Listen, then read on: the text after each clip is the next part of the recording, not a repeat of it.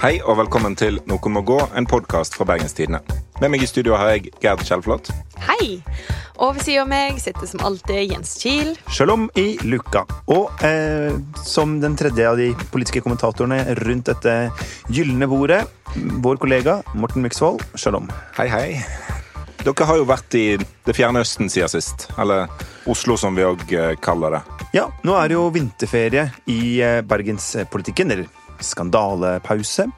Så da tok vi oss rett og slett en tur til Stortinget for å se hva de kaster vekk skattepengene våre på der borte. Mm. Men eh, neste uke så er det jo du Da er ferien over, og da er det årsmøte i Vestland Frp. Woho! Så da er det håp om bråk igjen. Håp om bråk, en podkast fra Bergens Tidende. Men det er jo noen som må gå denne veka òg. Vi skal snakke om eh, to Arbeiderpartikvinner som går av til neste år. Eh, klimahysteriet som går på Facebook, og ukas mest åpenbare noen må gå-kandidat, fiskeriminister Geir Inge Sivertsen. Vurderte du om det var riktig av deg å sende inn en søknad om etterlønn 24.11, da du var i gang som statssekretær?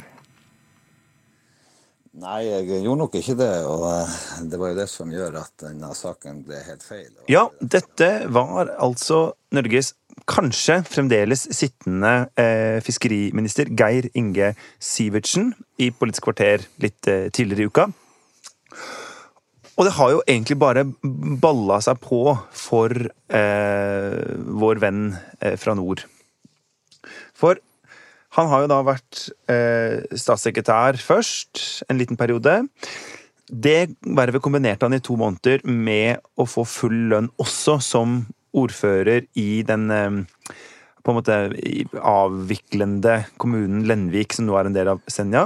Så blei han altså eh, bare statssekretær fra januar, og da var han fikk han samtidig innvilga seks ukers etterlønn mens han da hadde denne eh, millionlønninga fra regjeringa. En kan jo ikke leve på bare en statssekretærlønn, en må jo ha en ordførerlønn i tillegg. Ja. Absolutt. Eh, og så eh, er det i tillegg på toppen av dette en ganske god dash med sånne styrer og verv som han eh, sier han har vært ute av, men ikke er ute av. Eh, jeg skrev en kommentar om dette på mandag. Da skrev jeg dette er liksom foreløpig siste vers, og det var det jo fordi jeg hadde mistanke om at det kanskje kom mer, og det har det gjort. Og senest nå så kom det akkurat en sak om at Aftenposten viser at han hadde signert flere årsregnskap som styreleder etter at han skulle visstnok ha gått ut av vervene. Ja, han, han trakk seg fra de vervene i november, sier han, og signerte et dokument 17. januar Ja. Og som om ikke dette var nok, så er eh, vår kamerat eh, Sivertsen som nå plutselig alle i Norge veit hvem er. og Det, liksom, det, tror jeg Det er jo ikke de- godt gjort, for Det vi var jo bra, da. har jo nevnt det før. at Det kan være litt vanskelig å lære seg hans navn. Ja. Eh, Ja. At han inntil nå for noen dager siden var frimurer. Eh, nest høyeste graden man kan oppnå, var han. Og det er en såkalt høyt opplyste Sankt Johannes-losjens betroede broder. Og Nei, kanskje noen, noen får rette på italiensken min. Canonici inferiores. eh, som jeg ikke vet hva betyr. Og kommandør av Vår Herre Jesu Kristi den hellige og fattige tempelorden. Fattige tempelorden. Ja. Er det rart en trenger etterlønn? jeg? Hvis, jeg, hvis en tempelorden er litt Ja. fattig. Da sa Erna du, av alt det greiene her, det der frimurgreiene, det kan du melde deg ut av. Men det der stinker jo av veldig heftig håndtering. fordi at Erna Solberg sier egentlig at det er uforenlig å være eh, statsråd og medlem av Frimurerlosjen samtidig. Eh, Og Derfor må han melde seg ut. Det høres jo helt greit ut. Helt til tidligere olje- og energiminister Kjell Børge Freiberg eh, går ut i mediene og sier jeg var medlem av Frimurerlosjen jeg satt som statsråd, og det var ikke et problem, og jeg er fortsatt medlem. Men han var bare sjetterangs av en eller annen orden, og kanskje han ikke var det der italienske inferiores. Kan inferiores? Ja. Nei. Og hvis du ikke er det, så er du på en måte Nei, for det er det som er det kule å være. Ja.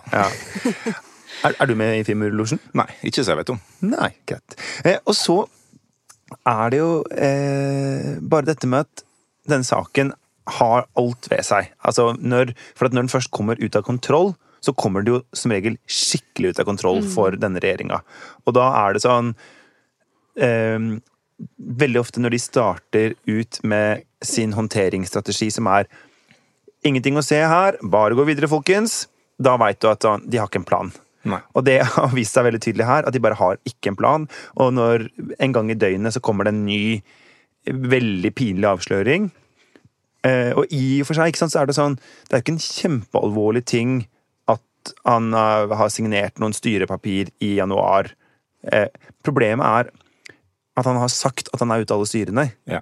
Og Det er heller ikke så veldig alvorlig at han satt som ordfører en liten periode når den kommunen skulle legges ned, samtidig som han statssekretær. Men det, liksom, det kommer på toppen av alt mulig annet. Ja. Så er det i tillegg en anbudssak der han i etterkant av vedtaket, som han var den som eh, var, var stemmeovervekten på, ble funnet ut at han var inhabil i. Altså, Ja. Sånne ting bare, det bare baller på seg, som du sier. Og så er det jo et, eh, et felt han dekker, altså fiskeripolitikken, som er eh, fullt av krangel om kvoter og tildelinger, og hvor eh, folk er eh, rasende fordi de ikke har fått det de skulle ønske seg av muligheter for å fiske så mye som de vil, og alt mulig sånt noe. Og hvis da den som skal sitte på toppen av det systemet, skal sitte og si på en måte nei, sånn må det være, og eh, regler og regler, bare ikke for meg altså det, Han har på en måte for lengst mista den tilliten, tenker jeg, da, som han Ja, Det krever, en, det krever en voldsom ryddighet, og det er egentlig ikke så veldig vanskelig. Altså, Erna Solberg har sagt at ja, men det er litt uklare regler for etterlønn i, i Lenvik kommune. Men kommuneloven er jo krystallklar. Den sier at krone for krone så skal det avkortes. Ja, men jeg tror Erna han mener at eh, det derre vedtaket skrevet på en serviett i Lenvik kommune står over kommuneloven. Ja, det, er jo, det er jo i så tilfelle interessant. Men det, det er så enkelt som at eh, etterlønn det skal sikre at du bare fortsetter med den lønna du har, selv om du eh, står uten arbeid i noen måneder. Det er en slags oppsigelsestid. Og hvis du får en ny jobb som, som du tjener mindre penger i, så skal du fortsatt ha det lønnsnivået du hadde i tre måneder. Og det er en helt grei ordning. Men når du søker på det på toppen av en eh, statssekretærstilling, ja. det er jo helt vanvittig. Men det jeg ikke har forstått, eller på en måte jeg syns var vanskelig å forstå her, da, er jo at han Um, Han skrev jo denne søknaden sin, uh, som han skrev i utgangspunktet etter han var statssekretær, uh, så det var jo feil, men der skrev han jo at han uh, skulle tiltrå for fullt som statssekretær første i første. Eh, som var da tidspunktet der han søkte etterlønn fra. Så de folkene som har bevilga han denne etterlønnen, har jo òg da ikke visst hva de har drevet med. Ja.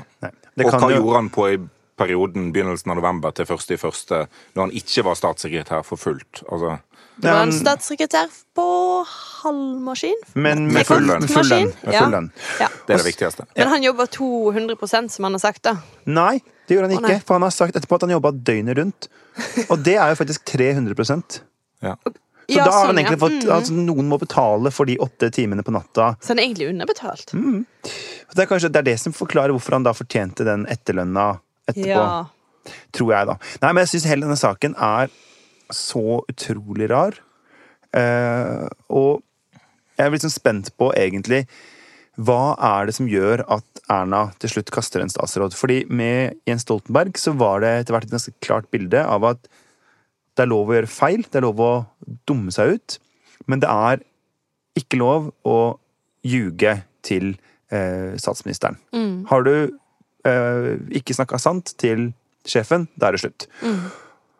Mens eh, her så er det litt sånn For hvis han f.eks. har sagt da til statsministeren, altså i praksis til statsministerens kontor, at jeg er helt ute av alle styrer, jeg lover, og etterpå så blir det avslørt at han ja, signerte noen styrelederpapirer, han, hadde, han satt litt til et sted eller to. Ja. Da Da har han brutt tilliten Ja. til sjefen, og det skal, jo, det, det skal være vanskelig å leve med for en statsminister. Da. Men også En ting om du har sagt det, men når du tiltrer som statsråd, så har du jo denne bakgrunnssamtalen for å se om det er noe der som kan ramle ut av skapene.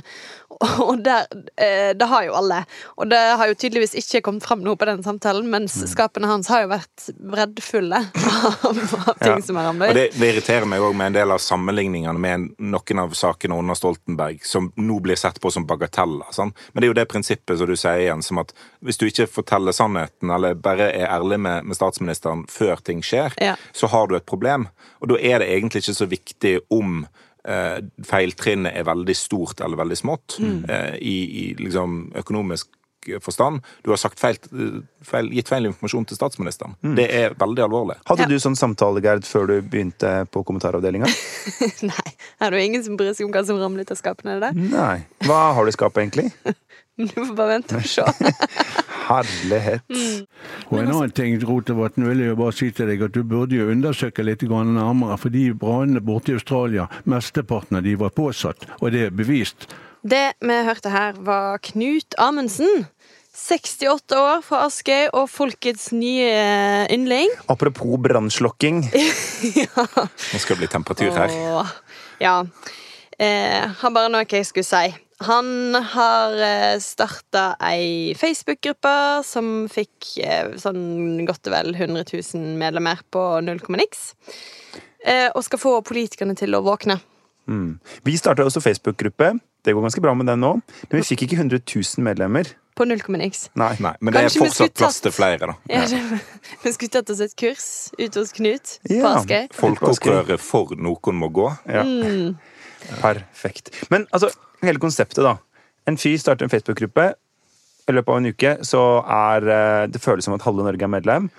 Og han er plutselig en maktfaktor i klimadebatten. Ja. Jeg kjenner at jeg blir 290 år gammel når jeg blir sånn Er ikke det der bare noe greie på Facebook, da? Jo, og det, det, er jo, det viser jo at det er noe feil når, når det kan skje. Altså, En så stor Facebook-gruppe er jo en bevegelse, og det, det er fornuftig å, å liksom omtale det, og sånt, men den tapetseringen som har vært, og den liksom voldsomme diskusjonen rundt denne Facebook-gruppa, og den motgruppa som har kommet Ja. For vi må kanskje liksom nøste opp i det. da At Ja. Det kom jo også en motgruppe. Folkeopprør mot folkeopprøret eh, mot klimahysteri. Som også fikk eh, masse sånn 100 000. Det er bare vi som ikke klarer det. Alle disse her klarer å få 100 000 medlemmer og sånn. Ehm, ja, så det skjedde. Og det er klart at det vi nettopp hørte på, i det klippet, var han som ble invitert på Politisk kvarter. Eh, og eh, det er jo ikke så mange eh, andre nerds som hører på Politisk kvarter, men det er en god del, da. Det blir jo ansett som en slags Altså, Norge er jo et eh, land av nerder. Ja, det er sant. Eh, og han fikk lov til å være og møte der til debatt. Selveste klimaminister Sveinung Rotevatn. Så det var kort vei rett opp i makta, da.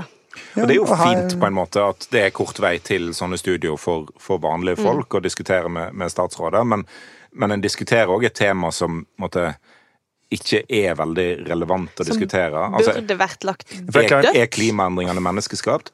Ja, Ja. ja. det er det. Ja. Det er det. Sånn, Regner det eh, ut i dag? Ja, vi kan se ut vinduet og sjekke. Det er ikke noe å diskutere. Vi kan Eller bare, vi kan trenger ikke å se ut av vinduet. Vi kan bare sjekke hvilket postnummer vi bor i, og oppdage at vi er i Bergen. Ja, det regner stort sett på et eller annet nivå. Ja, Men så er det jo spørsmålet ikke sant? For hvordan, hvordan møter man det her journalistisk, da? For at når han sitter i det studioet og bare hiver ut Og by the way, folkens, så de brannene i Australia, de var påsatt. Nei. Så er det sånn Hva, hva er dette her for noe? Og vi kan ikke, vi kan ikke debattere ut ifra at noen har lest noe på nettet, eh, eller bare tror det er sånn. Internett er full av ting som ikke er sant. Sånn Ja. er det. Det er jo fullt av ting som er sant Det òg. Derfor må en klare å skille mellom ting som er sant og ikke sant. Og denne Facebook-gruppa her eh, baserer seg på å bare mistro informasjon som er bygd opp over lang tid av seriøse forskere, bredt sammensatt over hele verden. Og vi ser de endringene skje. Altså Det har blitt varmere globalt sett. Snittemperaturen har steget, og den kommer til å stige mer. Det er ikke en, liksom, noe som bare kommer til å skje i 2050 sånn plutselig. Det har allerede begynt å skje. Men og så tenker jeg at i hvert fall en av de tingene som jeg syns var bra, da, var Vi hadde jo et intervju i BT med han Ja. ute på vakre Askøy. Og hvor halve saka er et intervju, og den andre halvparten er en klimaforsker som blir konfrontert med hans påstander og svarer på om det er sant, eller om det bare er eh, bambus, Ja. det han sier. Og eh, noe av det var på en måte sånn Jo, jo, her har han et slags poeng, eller det er også en effekt, eller mhm. Og ganske mye er sånn Nei, nei, nei, nei, nei. nei, nei. Altså type at isbreene smelter, er bare en fortsettelse fra sånn som det har vært eh, siden istida. Så nei, for da hadde alle isbreer vært borte for kjempelenge Ja, siden. for en, for en kan alltid vise til en eller annen framskriving som er laga for lenge siden, som ikke har slått helt til. Eh, Men det er ikke et bevis på at klimaendringene ikke er ekte. Men, men sånn som den saken vår, da, jeg synes jo det er mye Det er jo åpenbart mye lettere å drive faktasjekk i skriftlig form. For da har du litt tid til å, å innhente eh, kunnskap og, og, og presentere det. Når det skjer på radio på direkten, så er det mye vanskeligere å korrigere feilaktig informasjon som kommer. Og det kan bli mye, det er mye lettere at det blir en sånn ord mot ord. Ja. Altså at hvis Eh, vi møtes i studio under ledelse av Geir Margrethe Kjellflot fra Bergens Tidende, og jeg bare hiver ut en påstand, og så sier du 'det stemmer ikke', så høres det ut som en vanlig politisk debatt. sant? Og det tenker jeg er noe av problemet. Noen vil være enig med deg, og noen vil være enig med meg. Og så Ja. er det bare en av oss som har rett der. der. Og da er det liksom Det er nok meg. Det er mest sannsynlig det. Ja. Ja. Det er på en måte jobben min, er å ha rett. Godtok du nettopp det? OK. Ja. Nei, For- men det for show. er ja. Sånn er livet fra, på Radøy. Ja, jeg prøvde å slenge ut en litt sånn faktafeil, og det ble ikke imøtegått. Mm. Jens har selvfølgelig rett. Nei, klarte ikke å møtegå det på direkten. Men så vi er jo enige da om at um, Ja, det er vanskelig Eller det er vanskelig å bare ja, slippe dette til helt uh, uten videre. Men samtidig så går det ikke an å ignorere den oppslutningen uh, denne gruppen har fått, da. Eh, så på et eller annet vis så må man eh, så må man ta det. Det, er, ja, det som jeg tenker i hvert fall er veldig lite konstruktivt, er jo da den der motgruppa. Eh, for det er bare to grupper der det sitter 100 000 og syns at de andre 100 000 er idioter. Ja. Eh, ja. Og det Den, den ene baserer seg på, på vitenskap og ting vi vet. Den andre baserer seg på, på feilinformasjon. Ja, gjør det men egentlig men det? jeg, tror ikke, jeg tror ikke det hjelper å sitte i hver sin grøft og bare skrike heller. For folkeopprøret mot folkeopprøret mot klimahysteriet. Det føles liksom så veldig flott å si de baserer seg på vitenskap, men jeg syns ganske mye av det de baserer seg på borti hjørnet der, er jo å synes de andre er teite. Ja. Det er jo ikke sånn at de på en måte sitter her og eh, diskuterer framskrivingsmodeller og eh, Det er ikke veldig konstruktivt. gode liksom, eh, klimaløsninger i hverdagen. Det føles det som at ganske mange av de er, Jeg får bare hive ut den fordommen jeg har. altså Trykke like på Facebook og tenker at der gjorde jeg en fin innsats for klimaet, og nå kan jeg føle meg som et litt bedre menneske enn de der idiotene borti den andre gruppa.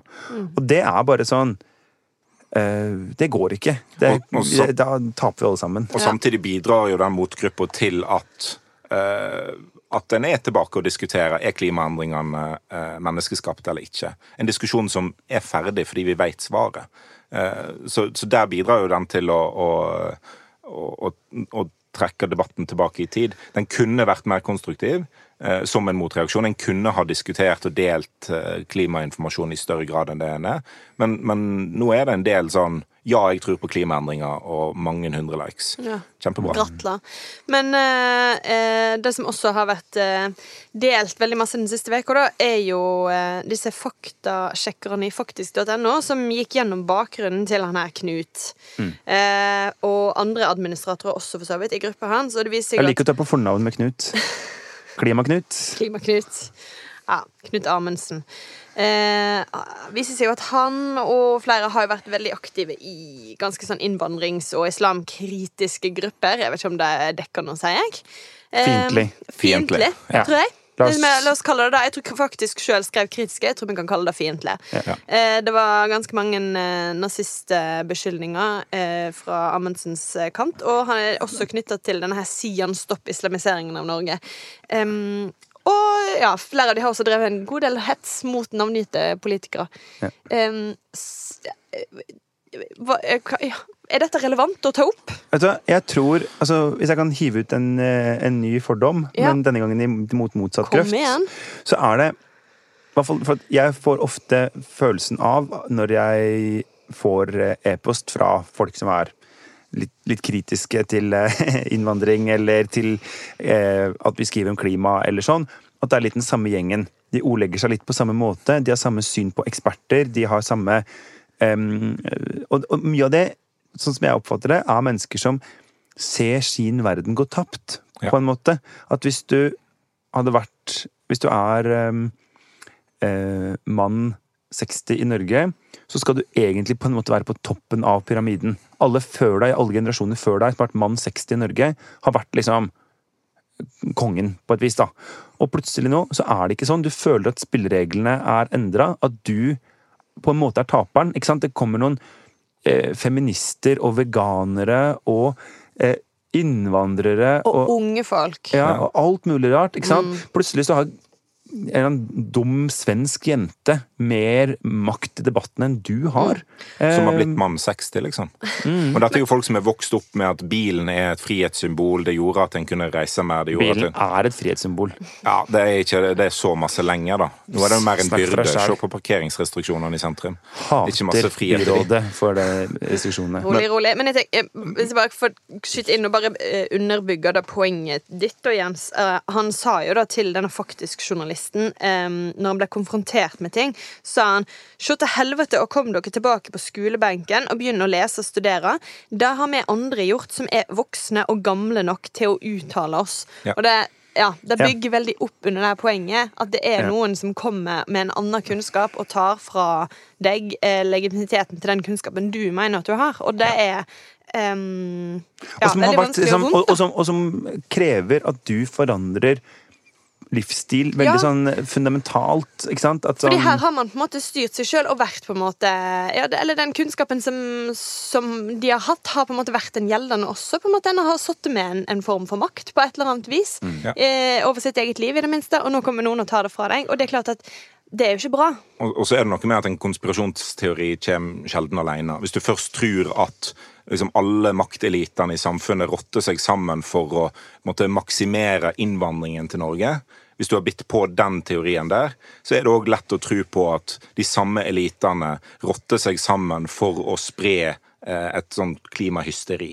Altså Det er samme type sånn eh, statsskepsis, veldig us, den usunne delen av statsskepsisen, da, eh, som, eh, som slår ut i flere konspirasjonsteorier. Ja. Og Derfor kan det være en overlapp mellom denne formen for innvandringsfiendtlighet og motstander mot klimahysteri. Samtidig så merker jeg litt sånn altså, Jeg tenker innimellom Vi lever jo i så sinnssyke tider at jeg skjønner litt at folk blir i tvil om hva som er sant og ikke sant. Ja. Hvis noen hadde sagt til meg for noen år siden sånn Du, jeg hørte av en fyr eh, som jeg snakka med på internett, at USA avlytter mobiltelefonen til Angela Merkel. Det er helt sant, også! Det er helt sant! Jeg tenkte sånn Hva feiler det deg? Altså, Dette kan jeg ikke forholde meg til. Ja. Og så går det liksom litt tid, og så viser det seg at sånn Jo, det stemmer. Ja. Ikke sant? Og at det er plutselig ting du bare ikke kunne tenke deg at kunne være sant. Sånn eh, Mer eller mindre alt Donald Trump eh, gjør i møte med Russland, Ukraina und so weiter, er jo på en måte sånn Dette er helt ellevilt. Utenkelig i oktober 2016, liksom. Ja. Mm.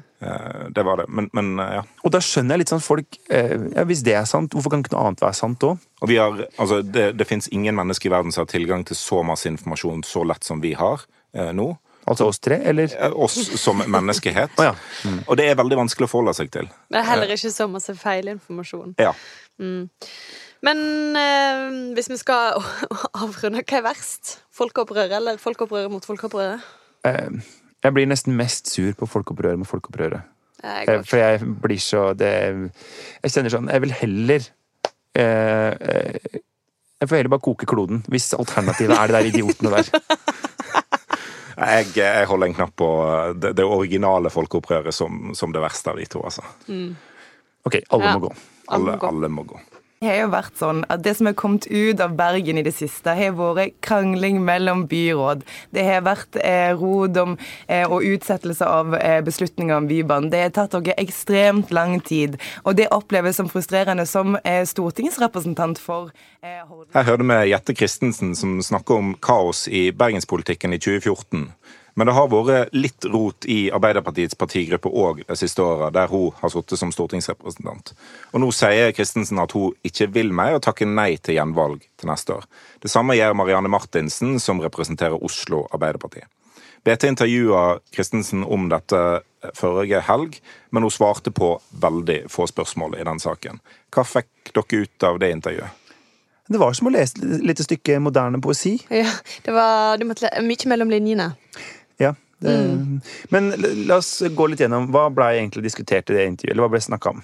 Nei, um, hun sa jo blant annet da, sant, at hun eh, etter forrige valg allerede ikke kjente seg igjen Eh, og så ser jeg jo at Arbeiderpartiets stortingsgruppe var en underlig plass å være. Her er så underlig. Ja. Og dette Ja. var jo, dette var jo våren, nei, høsten 2017 etter stortingsvalget. Det var strid om komitéverv. Marianne Martinsen ble byttet ut med Trond Giske som finanspolitisk statsperson. Jette Christensen ble flytta fra kontroll- og konstitusjonskomiteen til utdanning og forskning. Eh, Hæ? Nei. Nå tuller du. Var det ikke utenriks? hun er utenriks nå. Å ja. Ah. Ok, orsak. Jeg tenker den derre utenrikskomiteen eh, Det høres veldig kult ut. Høres dødskul ut. Altså, det er Marianne Martinsen, det er Jette Christensen, det er Martin Kolberg. Altså The Original Gangster.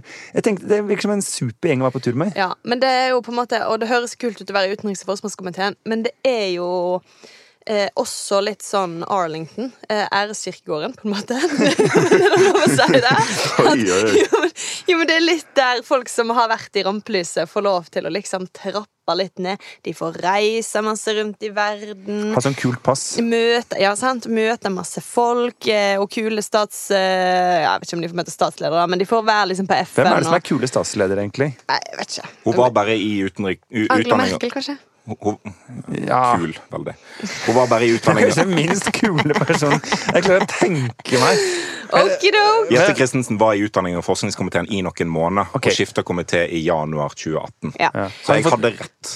Omtrent okay. der alt ble så underlig, da. Men Fikk hun møte Justin Trudeau. Han er den verste jeg veit om. Han er faktisk verre enn parkeringsreglementet til byrådet i Bergen. Og det sier litt.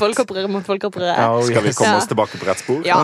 For denne, denne eh, krangelen om komitéverv den kom bare noen måneder før Giske-saken sprakk i desember 2017. Ja. Uh, og det har jo på en måte òg forma uh, de f- tre årene som har gått uh, siden, vil jeg tro. På måten en kjenner seg igjen i stortingsgruppa, og den, den måten hun ordlegger seg på. Jeg vil tro at det handler om mer enn bare eh, at hun ikke fikk sitte i kontroll- og konstitusjonskomiteen, eller fikk det komitévervet hun ønska seg. Ja, det var ikke det Hun ville Hun ville jo bli talsperson. Hun Ja. ville jo bli en person som folk hørte på. Og bare for å ikke gå videre sånn som du ønsker. Men hun sa jo også i det intervjuet eh, Er det bevisst at du har vært mindre i media? Og så svarer hun sånn jeg kan ikke styre hva komité jeg sitter i, og hva media er opptatt av. Som er sånn Nei, jeg slipper bare ikke til! Er jo det som eh, står mellom de linjene der. Så bare for å ja, Men så er det jo oversette det. Det er jo også et eller annet her med eh, Det er vanskelig å diskutere eller man skal være sikker på, men for hun var jo lenge sånn megatalent. Hun var jo på denne gullrekka som eh, Støre utnevnte på et tidspunkt. Hun var jo nevnt som en det var, det var jo ikke hun Ingen trodde vel egentlig at hun skulle bli nestleder i partiet, men hun Nei. ble liksom nevnt. Når du er med i den diskusjonen, Ja. så Ja. er du uansett ganske høyt oppe i partiet. da. Ja. Ja. Men hun er eh, Hun er en veldig sånn, mitt inntrykk, en veldig dyktig på en måte sånn fagpolitiker som jobber hardt og er veldig sånn skikkelig og grundig. ikke sant? Sånn som um, alt det som skjedde i kontroll- og konstitusjonskomiteen rundt 22. juli-høringa. Grunnlovsendringene. Ja, alt sånt noe, ikke sant? Samtidig som jeg synes litt ofte når jeg hører henne i debatter, så er hun litt kryptisk, sånn som her. Altså, det er, hun er ikke helt sånn lett å bli klok på alltid. Eh, Det, hadde vært, det hadde vært befriende å bare høre hva hun egentlig mener. For når du, når du annonserer at du går ut av Stortinget, så er, og du er misfornøyd, så har du jo en plattform å si hva du er misfornøyd med. Og Det var deilig å å, høre henne synge ut. ja. Før vi avslutter, så skal vi en liten eh, runde rundt på Vestlandet i vår faste spalte Og Vestland. Hvor er det du tenkt å ta oss med i dag, Jens? jo, Morten eh, Myksvold, i dag så skal vi eh, jeg håper å si nedover til høyre. Ja, det er jeg. Vi skal til eh, Hardanger og til Kvam.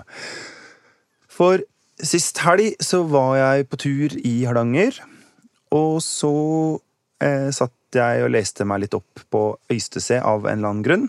Du mener Ostese? Eh, ja, det var akkurat det jeg sa. Hørte du ikke? Jo. Følg med når jeg er snakker. Ja. Ja, lær Fikk eh, kritikk for hvordan vi uttalte Michelin forrige gang. Ja, så men Ostese har jeg kontroll på. Og Nordheimsonen. Ja, men eh, kort eller lang i i Tysnes. lang i i. Tysnes. Det var det sånn det var? Ja. Men i alle fall så viste det seg at fra og med i fjor så regner selveste SSB, Statistisk, Statistisk sentralbyrå, eh, disse to plassene som et tettsted. Og Oi. det, vi, Åh, det er helt det er egentlig litt som om FN sa jeg bare regner eh, Israel og Palestina som ett land, for det er mer praktisk i tellinga. Eh, de, det- a- de aner ikke hva de snakker om. nei, for det er, dette er eh, på Tilgi dem, for de vet ikke hva de gjør. Nei. Nei. Det, er egentlig, det vi egentlig skal diskutere, eller det jeg vil høre litt, er dette med nabobygder og nabofeider. Ja. For det slår meg som en, eh, ja, en ganske sånn utbredt eh, favorittgrein eh, her på Vestlandet. Det var greit å ta utgangspunkt i Norheimsund og Øystese da. Som eh, vår lokale korrespondent, så kan du kanskje Ja. si litt bakgrunn. eh, ja. Eh, Kan jeg snakke litt på bakgrunn? Ja, vi kan sett snakke litt sett på. Åkra. Nei, ja, men jeg kan Jeg bodde faktisk eh, Jeg bodde i Åstese òg litt. Ja. Eh, omtrent da de starta sin vanvittig eh, opprivende, vonde skolestrid. 2008. Ja, rundt da. Um, og eh, da, altså, det som var greien da, var jo egentlig bare at de hadde en ungdomsskole i Norheimsund og en ungdomsskole i eh, Øystese. Og Sju liksom- kilometer fra hverandre. Ja, og bare for å omsette det i ting folk forstår. Det tok ti minutter den gangen. Nå har de fått en tunnel, så nå er det kanskje sånn snakk om seks-sju minutter å kjøre. Ja, det er, ikke noe, det er ikke noe fartsmål til den tunnelen, for å si det sånn. Nei, men altså eh, Men det er egentlig nesten tettbebygd strøk hele veien. For det, at Ja. de her, det er snakk om to bygder i to viker som ligger tett i tett. Det er, det er jo helt logisk på sett og vis å begynne å telle de sammen etter hvert. For de vokser, det er som, men det er som Stavanger og Sandnes. Det er to forskjellige ting. Eh, Hvem er Stavanger, og hvem er Sandnes? Ja, for la oss liksom gå gjennom her litt, fordi eh, sånn som jeg forstår det, da, så har vi Nordheimsund, som er størst, Mm. Ja. Storbror. Ja. Kommunesenteret i Kvam. og liksom det eh, kommersielle senter, hvis det går an å si. Ja, jo, men de har på en måte De litt. De, de har et ordentlig, et ordentlig sentrum. Eh, og mm, ja, de er størst på alle måter sånn. Øystese, Lillebror. lillebror, men mer på en måte kultur, altså sånn bygdekultur og eh, mer kulturhus. Jeg Ja, Bygdekultur har de vel begge plasser, men ja, jeg synes jeg kanskje de har jo kulturhus og eh, Ingvild-Vik-museet og ja, Men hvis man, snak, ja, men hvis man tenker også litt sånn som på en måte forvalter av eh, Hardanger-kulturarven og så videre. Men det og- eneste som egentlig betyr noe, de har ungdomsskolen. Ja. For det var de som fikk ungdomsskolen. han ble lagt ned. Ja, og så har de eh, jo eh, gymnaset. Gamle gymnaset. Mm. Og det gjør jo alltid. Hva, hva har du når du har gymnas? Jo, du har norsklærere. Og Ja. da blir du på en måte kulturbygda i området. Ja, ja, men det er litt sant. da, Og det, det gymnaset er jo Det er jo derfor det heter gymnas fortsatt. Det har jo en litt sånn lang tradisjon, da. Det er fint. Det var faktisk der den første streiken for nynorske lærebøker fant sted. Som Oi. eh, gjorde at man ti år etterpå eh, fikk eh, det inn i lovverket i Norge. At det var lov å ha, eller at elever har rett på nynorske lærebøker. Takk til. Øystese, alle sammen. Ja, ble jeg plutselig på Team Øystese. Ja. Mm. Men det er det som er da Altså, dette her Var du på Team Nordheimsund? Ja, altså, jeg, jeg forstår jo at denne saken her hadde stor sprengkraft og sånn i 2008, og når de, eh, når de omtalte liksom kommunestyremøtet at vi tror at freden kommer 11. november, som var datoen for det endelige vedtaket, som da var 90 år eh, siden slutten på første verdenskrig, så det hadde en litt sånn, ja, så hadde en litt sånn dobbel betydning der. Jeg vet ikke om, den var, var, om det var en intensjon bak der, men jeg leste det i hvert fall sånn. Men jeg har jo begrensa sympati med folk som må reise sju kilometer på skolen. da. Jeg hadde 45 minutter buss til barneskolen da jeg var liten, hver vei. ja. Og når du kom fram, så var skolen lagt ned. Den ble dessverre lagt ned etter jeg var ferdig på han. Ja. Men altså, det skal jo sies det var noen Det bor jo litt folk ut forbi sentrumene begge veier, da, så det er ok, litt lengre vei, men uansett, det er ikke langt. Det var helt eh, sånn praktisk sett helt logisk å, å flytte den, disse skolene sammen. Det ene bygget var dessuten kjempegammelt, det måtte gjøres noe med. Det er jo dyrt å ha to svære ungdomsskoler. Men Men problemet er jo at bare Norheimsund vil ikke eh, De vil bare ikke unna Øystese noe som helst. Og det er vice så versa. vestlandsk. Ja, men det, Krangelen var jo så heftig at uh, ordføreren, da, Astrid Farestveit Selsvold, hun måtte handle i liksom, nabobygda. Hun ja, hun kunne ikke, kunne ikke gå på butikken. Hun hun ble kunne ikke skjelt handle ut. der. Fordi Arbeiderpartiet farlig, liksom. Arbeiderpartiet gikk til valg på å ville beholde begge skolene, sånn som jeg forstår det, Eh, men så snudde de etter, etter valget. Et par snudde. ja, Ja. Det var to stykker, hun og en til. Ja. Og de var trua med eksklusjon, og det var masse greier. Er Hva er, hva er de demonymet her? Kvemmarar? Kvemminga. Kvemminger. Ja. Og kvemmingene det er jo et uttrykk som du aldri hører, for at folk er enten fra Øystese eller fra Nordheimsund? Jo, jo, du hører det fordi Nei, det fins jo noe utenfor der òg. Men vet du hva folk fra Det er et veldig lokalt Vestland. Vet Ja. du hva folk fra Nordheimsund heter? Nei. De, de, dette er veldig rart. Det heter Grovalarkar. Ja. Fordi de er fra Grove, som er sentrum i Nordheimsund. Du sier aldri Nordheimsund. Det er sånn, skal du til Nordheimsund? Nei, du sier skal du til Grove? ja. Ja. Men det er eh, et sted som kan sine kallenavn. Altså, eh, Hordaland Folkeblad, Mm. veldig hyggelig avis, heter egentlig Skårelappen. Skårelappen. Etter Det er fyren som dreiv den. ja. Altså skår. Skåren sin lapp, liksom. Ja. Perfekt. Ja, ok, men, men det er Men dette er jo, sånn, er jo sånn er det overalt. ikke sant? Fordi hvis du spør folk, eller noen da, hvis du, jeg, hvis jeg spør folk på Vestlandet hvor er du fra, så er svaret alltid fra rett side av fjorden. Ja. Ikke sant? Og for eksempel dere to. Mixolini. Du er jo Eh, fra Radøy. Nei, jeg er ikke fra Radøy. nei. Jeg er fra rett side av fjorden. Ja. Så jeg er fra gamle Lindås kommune. Ikke, Mm. Ja. ikke Hva, Ja. og hvorfor er det du på en måte Hva, hva, hva, er problemet med Radøy? Jeg veit ikke. Jeg har blitt opplært til at det er stor forskjell. Ja. eh, Og at Den grønne øya er ikke noe du har lyst til å oppsøke. Nei. Det er jo én derimot som er veldig som syns vi skal gønne på for både Radøy og resten. En slags friend of the pod. Jon Askeland. Ja. Eh, men er ikke han liksom en bra fyr, da? Han kan vi omtale som et unntak hvis han slutter å si 'vi må grønne på'. Eh, Som en sånn oppfølging til denne gønne på-greia. Jeg elsker det. Det for, jeg eh, liker jo å skjelle ut eh, fylkesordføreren i, i spaltene, men her i poden så er det full fredspipe, da. Ja. Bare, bare for å kunne plage deg, selvfølgelig. Men hva med, hva med deg, Gerd Margrethe Kjellflot fra Åkra Ja. ja, i, i Kvinnherad? Er du fra rett side av fjorden? ja, absolutt. Um, Åkra er jo så lite at vi har eh, jo, vi har jo konflikter. Men, men fordi, det er det som Det er er jo ikke for lite til å være Det er som venstresida. Et parti Nei. blir aldri for smått til å ha konflikt. ikke men sant? det, men det, og du har alltid eh, konflikt med de aller nærmeste. Så det er på en måte innante og utante hos oss. Nettopp. Ja. Kan du gjenta det? Innante og utante. Ja. Okay. Jeg er innante, da, for å si det sånn. Hva betyr det? Nei, Om du er fra bygda, eller om du er fra uh, utenfor bygda. Nettopp. Ja. Ja. for du er fra downtown Åkra? Ja, det er så sentralt som det blir. For å si det Mm. sånn. Vi må finne en måte å tekste denne podkasten på. Ja. Men er det eh, Hvem er det du da liksom eh, For å oppfatte at du kommer fra en sånn bygdekultur vi har vært innom før, at du syns Husnes er bare tull.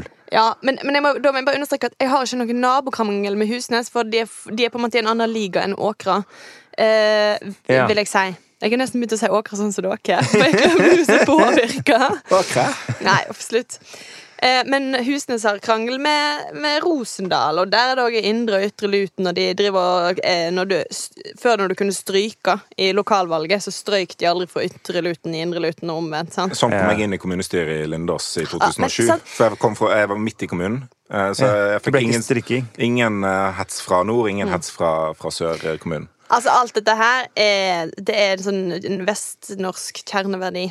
Eh, nabokrangel. Det var en del av vestlendingen som gikk tapt når strykingen forsvant, sa Frank Aarebrot. Uh, og det, det er så rett. Jeg skulle også til å sitere Frank Aarebrot, Oi. han har faktisk sagt noe om Norheimsund og Øystese også. Han har sagt det kan aldri bli fred i Midtøsten så lenge det fortsatt er strid mellom Norheimsund og Øystese. Og det har vært litt strid mellom de de siste årene òg. Hardangerbadet har det vært masse mas om. Kommer aldri til å ta slutt. Ja. Det var et godt forslag i denne skolestriden som jeg tenker vi kan avslutte med. og Det var et forslag om å opprette et senter for bygdestrid, og at det kunne ligge i, eh, i Norheimsund. eh. Nasjonalt senter for bygdestrid. Men da syns sikkert de i Øystese var helt uaktuelt at det skulle ligge i Norheimsund. Ja, og jeg tror, vil tro det er flere kommuner som vil melde seg på i den lokalisering, Ah. lokaliseringsstriden. Eh, det her må vi så åpenbart tatt til orde for på lederplass i. Bergenstidene. Så hvis, hvis du har forslag til hvor uh, dette nasjonale senteret for bygdestrid kan ligge, send det til oss inne i Facebook-gruppa Noen må gå. Ja, Så folk skal vi ta må deg på alvor. Vi skal sende alt videre til kommunalministeren. Folkeopprøret for eh, bygdestrid. Ja. Ja. Det kan vi ha. Men eh, hvem er det som må gå denne uka, da? Alle som har meldt seg inn i Facebook-grupper. Nei, bortsett, vår, bortsett fra noen må gå. Bortsett fra noen må gå. Ja, Der var alle som meldte inn. Bare de som er med i Noen må gå, slipper å gå. Ja, Ja. riktig. Og så er det altså han Sivertsen, som jo, fordi han burde gå, sikkert er den statsråden som sitter aller tryggest i hele regjeringa. Det er sånn det funker. Men vi får, vi får ta forbehold. Foreløpig sittende fiskeriminister må gå. Ja, Firebils, ja, et atterhall der. Ja. Ok, har vi noen flere som må gå? Eh, alle kvinnene i Arbeiderpartiet? De holder på å gå. Ja. Ja. Ja.